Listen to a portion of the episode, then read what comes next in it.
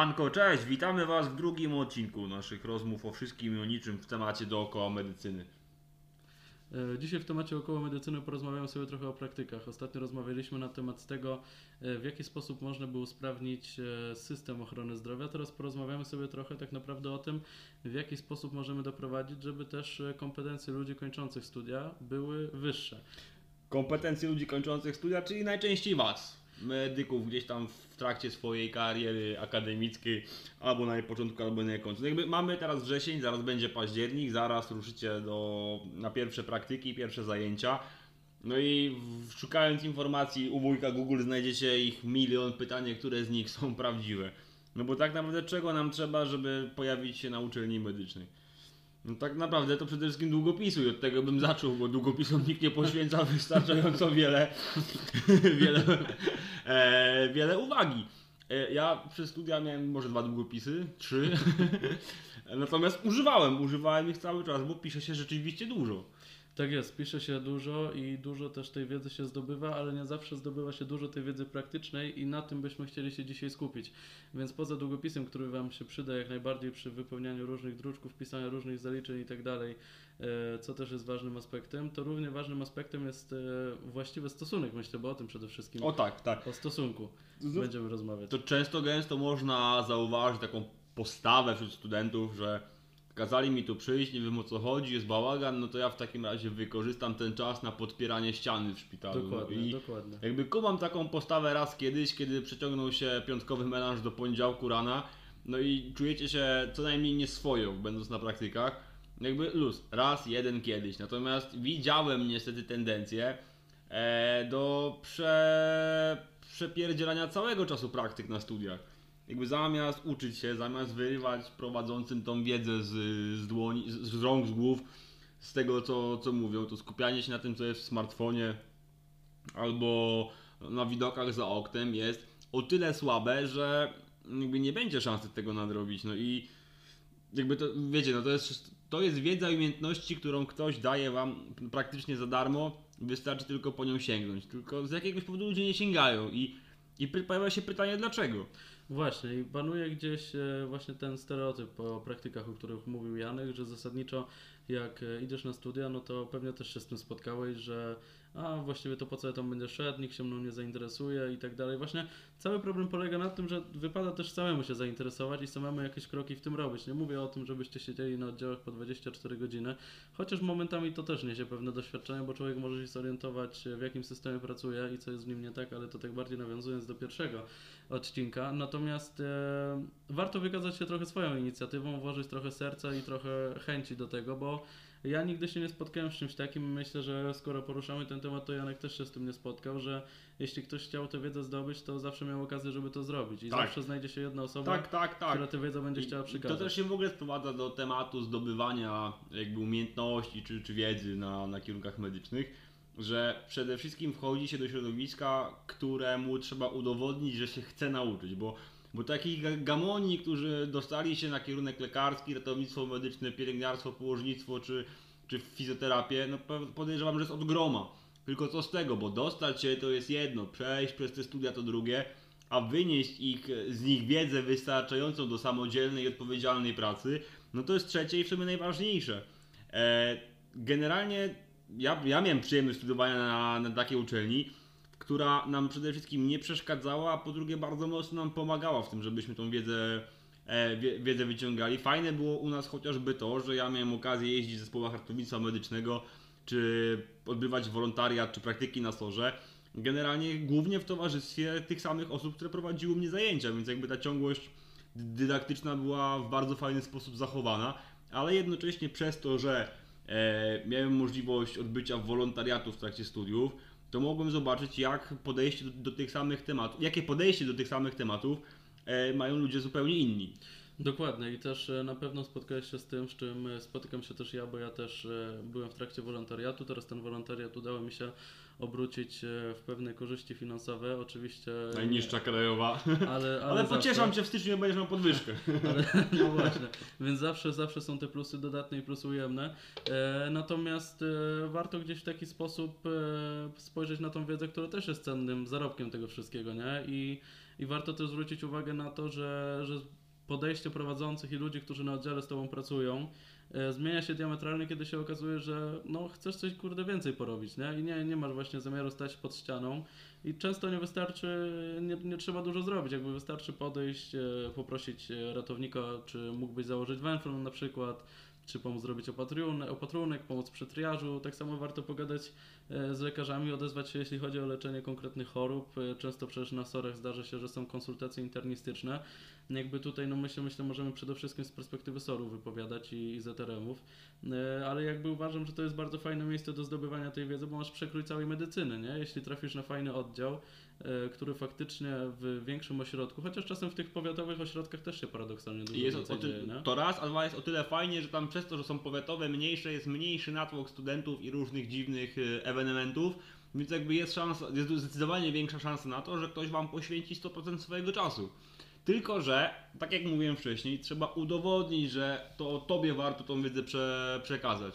Ja jakby to też miałem okazję mieć pod sobą studentów gdzieś na, na, w trakcie praktyk zawodowych. No i o ile ja pozwalałem studentom na bardzo dużo, e, to warunek był taki, że najpierw musieli udowodnić, że warto jest w nich tą wiedzę i, i inwestować swój czas. No bo wiesz, paradoksalnie nikt mi za to nie płacił, że ja Dokładnie. w czasie pracy zajmując się pacjentami nadrabiałem e, braki, które wynieśli z, ze swojego uniwersytetu. Nie? E, no ale jakby jara mnie to kręci, spoko. Zacisnąłem zęby i tyle ile mogłem, to mam nadzieję, że im przekazałem. Tylko, że też nie wszystkim, tylko przede wszystkim tym, którzy, którzy wiesz, no nie mieli problemu z tym, że jak trzeba było iść i mieć pampersa, to nie mówili, że od tego są pielęgniarki, tylko zakasa, zakasali rękawy i ramię w ramię, rękawiczka w rękawiczkę y, pracowali. Jakby nie od razu Kraków zbudowano, wiesz, młodym ludziom często gęsto wydaje się, że oni już po pierwszym roku studiów, nieważne jakich, e, są alfami i omegami i w sumie to wszystko ogarniają, dadzą sobie radę, a tu okazuje się, że no, że nie bardzo, bardzo, bardzo nie bardzo, bo chociażby no, tak jak gadaliśmy o tym węflonowaniu, założenie węflonu na, na manekinie, no to tak naprawdę jest czynność, którą ogarnie każdy średnio rozgarnięty człowiek. Natomiast problem pojawia się, kiedy manekin zamienia się na żywego człowieka. Dokładnie, dokładnie. Tutaj i, i nie wygląda to zawsze tak anatomicznie poprawnie, jak wyglądać powinno, bo dochodzi ta zmienność anatomiczna, która gdzieś u każdego występuje. No i to przede wszystkim, co może być tą bolączką na początku, to to, że zdarzają się pacjenci na przykład po chemioterapii, gdzie ukuć tą żyłę jest naprawdę, naprawdę ciężko, bo one zasadniczo pękają praktycznie pod, pod naporem tego węflonu. To też stanowi pewien problem. E, Natomiast no tutaj też kluczowym jest to, żeby gdzieś się nie poddawać i nie zniechęcać, nie? I tak jak, jak Janek tutaj słusznie zauważyłeś, ja na przykład ze swoich obserwacji zauważyłem, że, że bardzo fajnie jest e, na początku zacząć właśnie od takich podstawowych zadań, od e, pokazania, że, że ci zależy i mogą na tobie polegać. Nie? nie ma takiej sytuacji, że ktoś ci mówi, a pojedź z pacjentem na rentgen, a ty mówisz, nie, nie, nie, bo ja tu jestem nie. Od ratowania świata. Dokładnie, No. no. Nie jestem tu od, e, wiesz, e, zadań typowo dla sanitariusza, tylko no jestem, będę ratownikiem, nie będę woził pacjentów, nie? I to też jest główna prawda, bo biorąc pod uwagę czasem, że po prostu nie ma tego personelu i tak z cięższymi pacjentami jedzie zawsze ratownik, więc, więc to w ogóle jest trochę argument, z- brzydko mówiąc, z dupy. E, To tak naprawdę jest Jak to będzie też... dupa po łacinie? Gluteus maximus. Mięsień, to będzie mięsień pośrodkowy wielki. I na tym się skupmy właśnie, ale anatomia jest bardzo ważna. E, i, i, I co? Ale Polska jest najważniejsza. Tak jest. No, jak najbardziej i wiesz, myk jest też w tym wszystkim taki, przynajmniej moim zdaniem, że e, praca u podstaw, czyli od tego przysłowiowego pampersa, od tego przysłowiowego przynieść, zanieść, pozamiataj w wolnych chwilach e, potnij liginę, sprawia, że masz szansę poznać chociażby szpital, czy, czy zespół ratownictwa medycznego, czy jakąkolwiek e, inną e, podstawową komórkę systemu z takiego naprawdę, naprawdę poziomu mikro, bo jeżeli zaczniesz rozumieć skąd bierze się ligina w koszu, którą, którą wykorzystywałeś wcześniej do, do mycia tyłka, e, to zaczniesz kumać, że w szpitalu chociażby funkcjonuje coś takiego jak centralna apteka, nie? że No, wszystko no. jest mniej lub bardziej liczone, rachowane i tak dalej, i tak dalej, że te węflony, które są zawsze w wózku reanimacyjnym, ktoś musiał tam przynieść. Dokładnie, ale to też jest bardzo ważne i tutaj też gdzieś ten temat wcześniej poruszyliśmy, trochę jak sobie w większym gronie trochę rozmawialiśmy, e, to jest ten temat empatii. Empatii i jakiegoś zrozumienia, jak to wszystko działa właśnie. I tutaj wydaje mi się, że ta empatia jest bardzo ważna. Albo nie działa, bo to też jest ważne, że może nie działać. Może nie działać. Może nie działać i wtedy jest to bardziej problematyczne. E, Natomiast no nie ma co się oszukiwać, że w sytuacji, w której e, poznamy od podstaw, jak e, ciężką pracę wykonuje pani sanitariuszka czy pan sanitariusz, bo nie ma co się oszukiwać, że jest to ciężka praca, bo zapieprzać przez całą noc z pacjentami często spore odległości, nie? I to są cięższe No ja pacjenci. pra- pracowałem w szpitalu na B w Warszawie, to pożyczyłem kiedyś, bo to jest jakieś nie było takie popularne posiadanie, wiesz, Xiaomi Band. No. Pożyczyłem od, y, od współlokatora. Dałem radę w 12 godzin zrobić prawie 17 km. 17 albo 18, coś takiego, nie? No właśnie. Faktem jest, że to był ekstremalny dyżur, ale jest, jest gdzie chodzić po szpitalu. Dokładnie, dokładnie. I to, to wcale jakby nie są takie e, rzadkie przypadki, nie? Kiedy robisz to 17 km. Tak. I też nie ma co się oszukiwać, że nie do końca, nie, niekoniecznie trzeba być panem czy panią sanitariuszką, żeby robić takie odległości, bo, bo często gdzieś tam e, zdarza się, że i w, w trakcie samego dyżuru jako pielęgniarz, ratownik, lekarz też takie odległości pokonujesz, bo tu to się tak wydaje, że jesteś cały czas paradoksalnie w jednym oddziale, ale przejść od pacjenta do pacjenta, tu węflon założyć, tu krew pobrać, tutaj jakieś badania zrobić, tu tam inaczej go trochę ułożyć, tutaj pojechać z pacjentem właśnie jeszcze jako zabezpieczenie dodatkowo na badania, na badania obrazowe. E, To wszystko też zabiera ten czas, a właśnie no, widząc to wszystko, no A skoro, skoro chodzenie, to wydaje mi się, że warto też powiedzieć o najmniej oczywistej części wyposażenia, jakie uważam, że każdy medyk na studiach powinien sobie przygotować, czyli buty.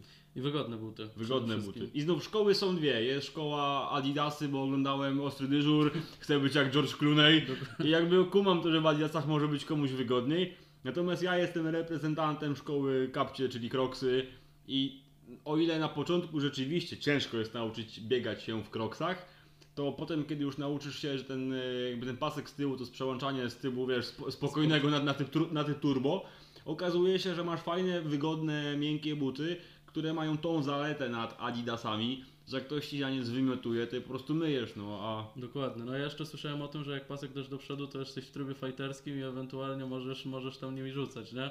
Ale tego nie polecamy. To nie, Nie, to, nie, nie. To, to kolega Szko- w tle powiedział. Szkoda butów. Natomiast, natomiast bardzo ważne jest to, żeby, wiecie, jakby w ogóle przyjść na te praktyki przygotowanym w tym tego słowa znaczeniu, że żeby pokazać szacunek, jakby ja jestem daleki od trzymania kija w dupie, nie? od bicia pokłonów profesorom, bo to, to już wiem, że żyjemy w świecie, w którym to, że ktoś ma tytuł admirała, profesora, or- ordynatora czy, czy generała medycyny, nie zmienia faktu, że może być zarówno świetnym człowiekiem, z którego wiedzę można za przeproszeniem wyciskać jak z mokrej ścierki wodę, może być też zwykłym gamoniem, który skończył swoją edukację w latach 50. dekretem Stalina został mianowany lekarzem, no i tak tym lekarzem lekarzuje od tamtej pory. I lekarzuje dalej tymi samymi No. metodami. Natomiast 60 chodzi mi o taki szacunek, wiecie, elementarny, że jak już idziesz na te, na te praktyki, to ubierz się jak człowiek. Nie musisz mieć skrapsów za 4-5 stów, musisz mieć takie, które będą przede wszystkim czyste. One mogą być podarte. No ja do tej pory mam swoje pierwsze spodnie fluo, które pękły mi przy wyciąganiu pacjenta z rozbitego auta. No i pękło i, no i zszyłem je i mam. No rzeczywiście ten szef jest wygodny, ale przynajmniej są czyste, nie widać tego na pierwszy rzut, na pierwszy rzut oka i mimo wszystko no, na, na tej dziurze noszę nerkę, więc... Dokładnie, więc e, jest to zakamuflowane wszystko, także schludność jest dalej zachowana. No i myślę, że e, tak od strony wiedzowej to warto też e, idąc na konkretny oddział chociaż przeczytać sobie jakieś najważniejsze zagadnienia, nie? No bo to też wiadomo, że jeśli tak jak trafisz na kogoś jak Janek, co, który nie ma kija w dupie, to też nie będzie problemu z tym, żeby jakieś rzeczy ci dopowiedzieć. No często też jest tak, że w podręcznikach jest pisane jedno, a w rzeczywistości trochę na innych zasadach to funkcjonuje, nie? Jakby dużo jest takich zasad na studiach, których się, o których się mówi, te wszystkie procedury też pielęgniarskie, to też nie zawsze wygląda tak jak czy ścielenie łóżka na przykład, nie? No Ale to też- ścielenie łóżka jest zajebiście ważne. W sensie mi się to wydawało czymś totalnie abstrakcyjnym, dopóki nie rozpocząłem swojego krótkiego romansu z kardiologą intensywną. I okazało się, że rzeczywiście głupi zagniotek, których mam na swoim prywatnym łóżku od groma, u człowieka, który jest permanentnie nieprzytomny, może być chociażby powodem wywołania odleżyny. I domyślam się, że dla młodych adeptów różnych kierunków wydaje się to głupie, ale zrozumienie niektórych rzeczy przychodzi z czasem. Dokładnie, więc warto tu wziąć e, do serca przysłowie, jak sobie pościelisz, tak się wyśpisz, tylko spojrzysz też na drugiego człowieka i to się wydaje mieć większy sens. No, e, na SOR-ach właśnie nie ma tego problemu, bo tam pacjenci raczej są krótkotrwale, e, przynajmniej w teorii, bo u mnie się zdarza, że ci pacjenci leżą na tym SOR-ze, bo nigdzie go nie chcą przyjąć. Na No, u, mnie, e, u mnie rekordzista to chyba 6 tygodni. No właśnie, więc e, oddział ratunkowy nie zawsze funkcjonuje tak, jak e, ustawowo powinien funkcjonować, no ale to też jest temat trochę na, na, inny, na inny materiał do pogadania. W każdym razie warto gdzieś sobie te podstawowe rzeczy, które ogarnąć. No fajnie, fajnie gdzieś znać e, te trochę memiczne podstawy RKO, które gdzieś tam się, gdzieś tam się przewijały, e, ale warto mimo wszystko to ogarnąć. W sensie nikt nie mówi o tym, że e, wiesz, w przypadku kiedy będzie sytuacja, że ktoś będzie jakieś nagłe zatrzymanie krążenia, że od razu cię rzucą na resuscytację, bo to też jest, e, no trzeba poznać człowieka, żeby go dopuścić jakby do tak ważnej czynności, nie? I też jakby wielu studentów, przynajmniej tych, z którymi ja miałem okazję rozmawiać, bardzo mocno boi się tego, że zostanie im powierzone zadanie, któremu nie sprostają, bo, bo są na przykład po drugim roku, idą na trzeci, no ale nie mieli, nie wiem, technik, e, wykony, nie wiem, nie potrafią zrobić EKG. Bardzo ważne jest to, żeby o tym głośno powiedzieć, bo to nie jest wstyd czegoś nie potrafić na studiach. E, oczywiście może być to momentami żenujące, że student ratownictwa na trzecim roku mm, wsk- e, mm, nazywa podudziem e, staw łokciowy. No jakby okej, tutaj, Szanujmy się. tutaj rozumiem frustrację, natomiast jakby wiecie, my pracujemy na różnym sprzęcie, inny możecie mieć na uczelni, inny w pracy, inny na praktykach. Nie jest żadnym powodem do wstydu akurat to, że nie potrafisz obsłużyć tej mach- machiny wykonującej elektrokardiogram. Z drugiej strony, przecież ty nie musisz wiedzieć, że, że przyszedłeś na praktyki, przyszłaś na praktyki do szpitala, w którym defibrylator nie miał przeglądu technicznego od kilku lat i to nie jest tak jak na, na uczelni, że wystarczy nacisnąć dwa guziki będzie wyładowanie. Trzeba jeszcze w odpowiednim momencie uderzyć, nie? Albo, albo defibrylator pada po dwóch wyładowaniach, a ty o tym nie wiesz, a wszyscy inni wiedzą, bo... Więc jakby pytać, pytać i jeszcze raz pytać, a najgorsze co można zrobić to kłamać. Dokładnie, a to często jest spotykane gdzieś. e, Sam, e, sam e, parę razy miałem z tym styczność, e, szczególnie przy osłuchiwaniu, gdzieś to jest chyba takie popularne, nie? Przy wadach serca, że, że przychodzi pan doktor, mówi, no słyszycie tutaj, tu jest stenoza na przykład, no i wszyscy, wiesz, jak jeden mąż mówią, tak, tak, stenozę, stenozę, nie? A później się okazuje, wiesz, pojawiają te pytania w grupach, ty słyszałeś, słyszałeś i się okazuje, kurwa, kurczę, że nikt, e, nikt tego nie słyszał, nie? I, I to jakby jest, to jakby jest pewien problem, bo e, tak jak powiedział Janek, no nie wstyd, e, nie wstyd jest nie wiedzieć, tylko większy wstyd jest nie pytać, nie? I z tego powodu nie wiedzieć. Bo wszyscy, wszystkiego się tak naprawdę można dowiedzieć i jeśli gdzieś udowodnisz jeszcze bardziej tą swoją wartość i swoją użyteczność i zaangażowanie, to nikt nie będzie miał obiekcji ku temu, żeby pokazać Ci sprzęt. Ja pamiętam jak przyszedłem na pierwszy, na praktyki jeszcze na sorze, to akurat e, tak e, fajny spotkałem taki zespół, że najpierw lekarz z ratownikiem oprowadzili mnie po całym oddziale, pokazali co gdzie jest, wiesz, pokazali na przykład e, do czego ten sprzęt służy, e, kiedy się go używa, poopowiadali, nie? Powiedzieli, że tutaj o na przykład mamy salę, salę intensywnego nadzoru, wiesz, i to było mega fajne, nie? Bo jakby przychodzisz na oddział i często totalnie nie wiesz gdzie jesteś, e, nie wiesz czego szukać, później pada do ciebie prośba, stary mógłbyś pójść nam tutaj po aparat do mierzenia ciśnienia. Jesteś, wiesz, w czarnej dupie, bo, Bo nie nawet- wiesz do końca... I nawet nie wiesz jak wygląda aparat do mierzenia ciśnienia, nie? No Bo- właśnie. więc jakby dlatego na, naprawdę podkreślam to wielokrotnie. Nie ma się czego bać. I teraz znów nie jestem w stanie brać odpowiedzialności za każdego ratownika, jakiego spotkacie na swojej drodze, za każdego medyka, który gdzieś tam będzie tym tak zwanym opiekunem praktyk, czy osobą odpowiedzialną za was na praktykach. Może istnieć, istnieje dość spora szansa, że będzie to bardzo sfrustrowany życiem i zawodem wypalony człowiek, który ma wszystkiego dość, a przede wszystkim ma dość was. Eee, no ups, w takim systemie żyjemy, w takim systemie funkcjonujemy, staramy się to zmienić. Czy jest na to jakiś sposób? Generalnie jest, albo kombinować i patrzeć w grafik i nie przychodzić wtedy, kiedy przychodzą ludzie, od których nie warto się uczyć. A jeżeli nie ma takiej opcji, no to co wam mogę więcej powiedzieć? No trzeba jakby spiąć dupę i, i wytrzymać. Bo nie wszędzie jest tak źle. Dokładnie, a zawsze, tak jak wspomniałeś, tutaj można, można podpytać jakiegoś lekarza, który Wam się spodoba i który faktycznie, czy ratownika, czy, czy pielęgniarkę, czy który, z którymi faktycznie Wam się fajnie pracuje, dowiedzieć się, jaki mają grafik, umówić się, no to ja będę wtedy przychodził i warto wtedy przychodzić, warto wtedy czerpać z tego wszystkiego, bo to jest wiedza, którą, no nie ukrywajmy się, studia nie do końca przygotowują do zawodu, nie? Ważne jest też to, żeby nie zgrywać większego chojraka niż się jest, bo niestety, przynajmniej na sorze, ale to wychodzi w 30 sekund. Skłamałbym, gdybym nie powiedział, że jak każdy ratownik nie miałem etapu bycia turboratownikiem i że wydawało mi się, że jakby ogarnąłem interny na drugim roku, e, miałem piątkę za ALS-u, no to, no to jestem przechujem ratownictwa, bo 30 sekund później przyjeżdżał pacjent i gdyby ktoś mnie zapytał na egzaminie, co tu robimy, to bym powiedział, no ja to bym zadzwonił po pogotowie, nie? No, no, no. E, wiecie, to też taką kwestią drażliwą, często gęsto i rezonującą jest kwestia noszenia stetoskopu. No i znów, z jednej strony ja jestem zdania, że im szybciej człowiek zaczyna pracować na swoim sprzęcie, im szybciej zainwestuje w swoje porządne słuchawki, im szybciej e, nauczy się z nich korzystać i ich słuchać, przez nie słuchać, no to tym lepiej. Natomiast oczywiście, że istnieje taki objaw tego tak zwanego studenta drugiego roku, który nie potrafi bez słuchawek zjeść drożdżówki w szpitalu, nie? Dokładnie. I wiecie, z naszej perspektywy, albo inaczej, ja jestem człowiekiem, który, któremu to zwisa, powiewa i w ogóle mnie to nie rusza, natomiast jeżeli widzę gościa, który pierwsze co robi na po przyjściu na, na SOR, to ubiera złotego Litmana Cardiology za 800, y, a jak trzeba zrobić EKG, to mówi, że no nie bardzo, no to jest w naszych oczach co najmniej, może nie to, że śmieszny, ale taki, no taki pocieszny, nie? Taki, taki gumiś, taki, o, taki 16-latek, który przychodzi do baru pełnego dorosłych i, i zamawia sobie lagera. Dokładnie. I jeszcze, jeszcze wiesz, jeszcze jest ten motyw, że musi być zdjęcie koniecznie w windzie najlepiej szpitalnej, nie? E, Właśnie z, z Litmanem. I to niestety jest trochę taki obraz e, Instagram, niektórych Instagramów, nie? I, i to jakby jest, e, jest pewien problem. Natomiast e, myślę, że nie Znaczy, ma też... Jeżeli myślicie, że wasze życie na studiując kierunek medyczny to będą właśnie kawy ze Starbucksa i zdjęcia w windzie z Litmanem, no to macie rację. Będziecie robić to, żeby dokumentować jakby zmiany w waszym organizmie, pierwsze zmarszczki jakie się pojawiają, wypadające włosy i, i dodatkowe kilogramy. Natomiast Natomiast to, to jest tylko jakaś tam otoczka tego wszystkiego i jakby skłamałbym, gdybym nie powiedział, że sam nie mam takiego zdjęcia, jak, jak siadam do windy i, i sobie jadę, nie? Natomiast to jest jedno zdjęcie. I, I poza tym wszystkim jakby wydaje mi się często gęsto, że to, że to ma być takie nadrabianie, wiecie, jakimś imidżem i innym, y, inną taką nie maską, tarczą, zasłoną, a niestety to się to wszystko pęka w pierwszej stresowej, kryzysowej sytuacji, więc, więc nie ma co. Więc- Ale niemniej jednak noście, noście, używajcie, korzystajcie, pamiętajcie tylko o tym, żeby je dezynfekować.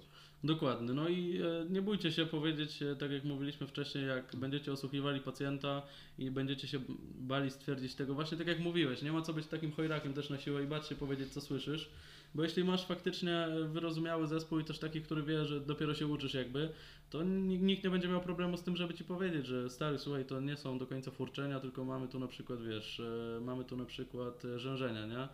I wiesz, albo że no nie jest to do końca zapalenie, tylko masz tu odmę na przykład, nie? I wiesz, i jakby nie ma co się tego bać, bo, bo jak trafisz faktycznie na ludzi, którzy gdzieś e, chcą cię tego nauczyć, a nie, nie oszukujmy się, nie ma, nie, nie ma też tak, że e, mimo wielu patologii samego systemu ochrony zdrowia, e, da się trafić na fajnych ludzi, którzy będą chcieli cię nauczyć i będą chcieli ci pokazać.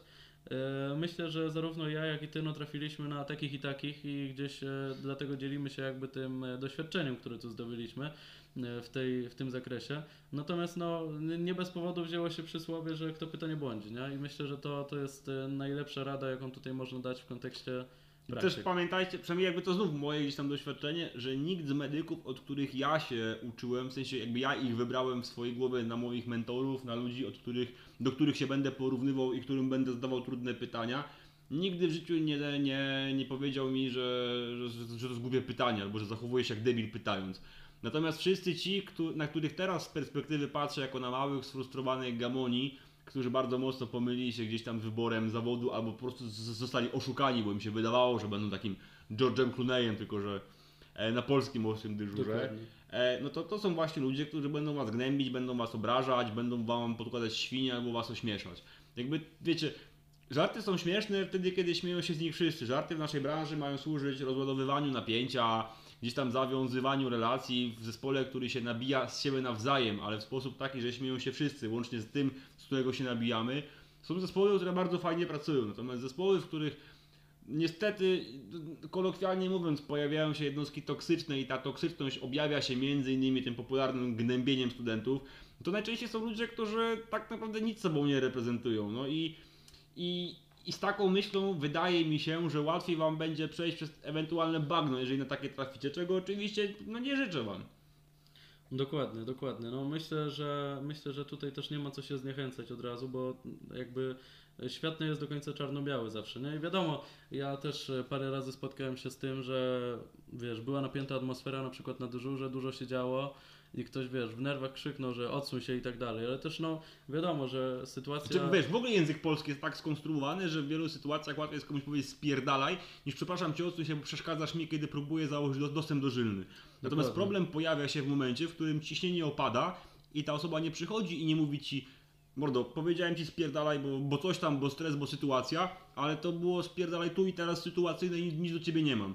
I zarówno ja mam takie akcje na koncie, jak i ja słucha, słyszałem takie teksty pod swoim adresem i wielokrotnie to się potem wyjaśniało i tam to jakby nie, nie było żadnego żalu ani niczego. Natomiast jakby w ogóle jakby temat pracy z, czy współpracy w tym wszystkim jest yy, raczej w Polsce średni.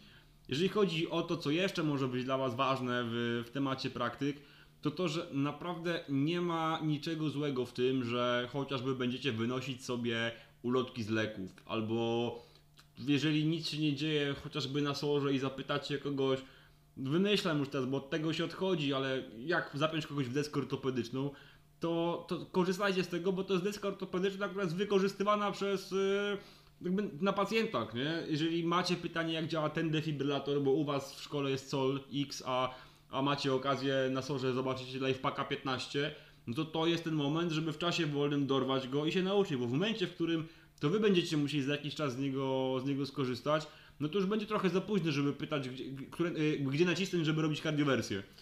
Dokładnie. Ja myślę, że też takim, e, takim, e, takim zachowaniem, które jest bardzo spoko i z którym e, warto gdzieś się zazębić, to jest to, że warto czasem sobie wziąć EKG pacjenta, jak zrobimy to EKG, bo EKG paradoksalnie jest takim badaniem, mimo tych wzgórz i dolin, które pierwotnie tam widać, to sporo można wyciągnąć, nie? I jakby e, te zawały też nie zawsze są takie oczywiste na przykład i dla samej, samej nauki tego EKG, jak właśnie macie na studiach, może teraz EKG, uczycie się tego, warto gdzieś sobie zabrać, zrobić kopię tego świstka, który sobie wydrukujecie. Albo po prostu wydrukować dwa robiąc EKG. Dokładnie. I wziąć sobie to do domu i sobie przeanalizować, nie? jaki tutaj macie rytm, czy macie prawidłowe ułożenie serca, wiesz, czy, czy widać może, gdzie ten zawał jest u pacjenta, który akurat zdiagnozowaliście w ZRM-ie albo wiesz, na sorze, czy tutaj może że internista gdzieś mówił o jakimś bloku, jak ten blok do końca wygląda. To jest fajne, bo z EKG jest trochę tak, wydaje mi się, jak z USG, nie? że z tym się trzeba opatrzyć przede Tak, wszystkim. tak, tak. Jak e, cięż, same zdobycie tej wiedzy z książek i wiesz, wykucie sztywno reguł, e, no tutaj QR musi być e, taki odstęp, tutaj QRS-y muszą być szerokie, tu wąskie i tak dalej, to, to jest spoko jakby i może to faktycznie pomaga później, tylko że ciężko jest to później przekuć na praktykę i nie zawsze to, co w książkach jest takie widoczne, e, to później okazuje się widoczne w życiu, nie? I pamiętajmy też o tym, że te obrazki w książkach to jednak są no, tak samo jak w atlasach anatomicznych, nie? To są nieskazitelne EKG, które wiesz, ładnie wyglądają. Rzadko kiedy występują. Nie? Dokładnie, dokładnie. No bo często będziesz, e, będzie tak, że albo tu aparat jest już nie, nie pierwszej młodości i, i jeszcze jest na przystawki na przykład, wiesz, a nie, nie na elektrody, to też się gdzieś często spotyka, więc warto jakby na różnym sprzęcie pracować, żeby później się, później się nie, za, nie zaskoczyć, nie? Zresztą jakby tak kończąc ten, ten odcinek, e, nigdy nie pamiętam nazwisk autorów, pamiętam tytuły książek. I autor książki Chirurg Wojenny, czyli lekarz, który przez ostatnie 20-25 lat jeździł po świecie i ratował, bezpośrednio ratował życie ludzi poturbowanych przez zawieruchę wojenną, katastroficzną i tak dalej, napisał w swojej książce takie bardzo mądre zdanie, że w zespole terapeutycznym każdy ma prawo do głosu, bez względu na to, czy jest lekarzem, ratownikiem, sanitariuszem, e, czy studentem. Więc jeżeli widzicie jakąś patologię, widzicie, że wszystko idzie nie, nie tak jak powinno, albo że pacjent, który został zlekceważony przez personel, bo tak też może być, nagle się pogarsza, nie bójcie się mówić o tym głośno. Oczywiście nie chodzi mi tu o to, że teraz wy po drugim roku ratownictwa pójdziecie i zjebiecie ordynatora kardiologii, bo wy tam widzicie coś, czego on to nie zauważył, bo gwarantuję wam, że jest zupełnie odwrotnie. Natomiast e, ważne jest to, żeby pamiętać, że od was też bardzo wiele zależy. Jeżeli pacjent, któremu podaliście, wymyślam, niech to będzie midanium na zlecenie kolegi ratownika, który prowadzi wam zajęcia, miał się obudzić po 5 minutach, ale minęło już 7, a on zaczyna harczeć, to to nie jest, że tak ma być. To to jest jakby sygnał na to, żeby uruchomić swoje medyczne instynkty, yy, zadać bodziec bólowy, a w przypadku braku reakcji powiadomić kogoś, kto jest nad wami. Bo, tak jak mówiłem wcześniej, to też zależy od was, to jak będzie to wszystko wyglądało. Dokładnie, dokładnie. I myślę, że powoli co? Tym akcentem chyba będziemy kończyć ten odcinek, żeby... Jeżeli coś przegapiliśmy, dajcie znaka w komentarzach i widzimy się już niedługo. Dokładnie, nawet słyszymy. Wszystkie... No. wolę, wolę was słyszeć niż widzieć. E, Janek normalnie jest milszy, także, także tym możemy zakończyć. No, raha. Na racha.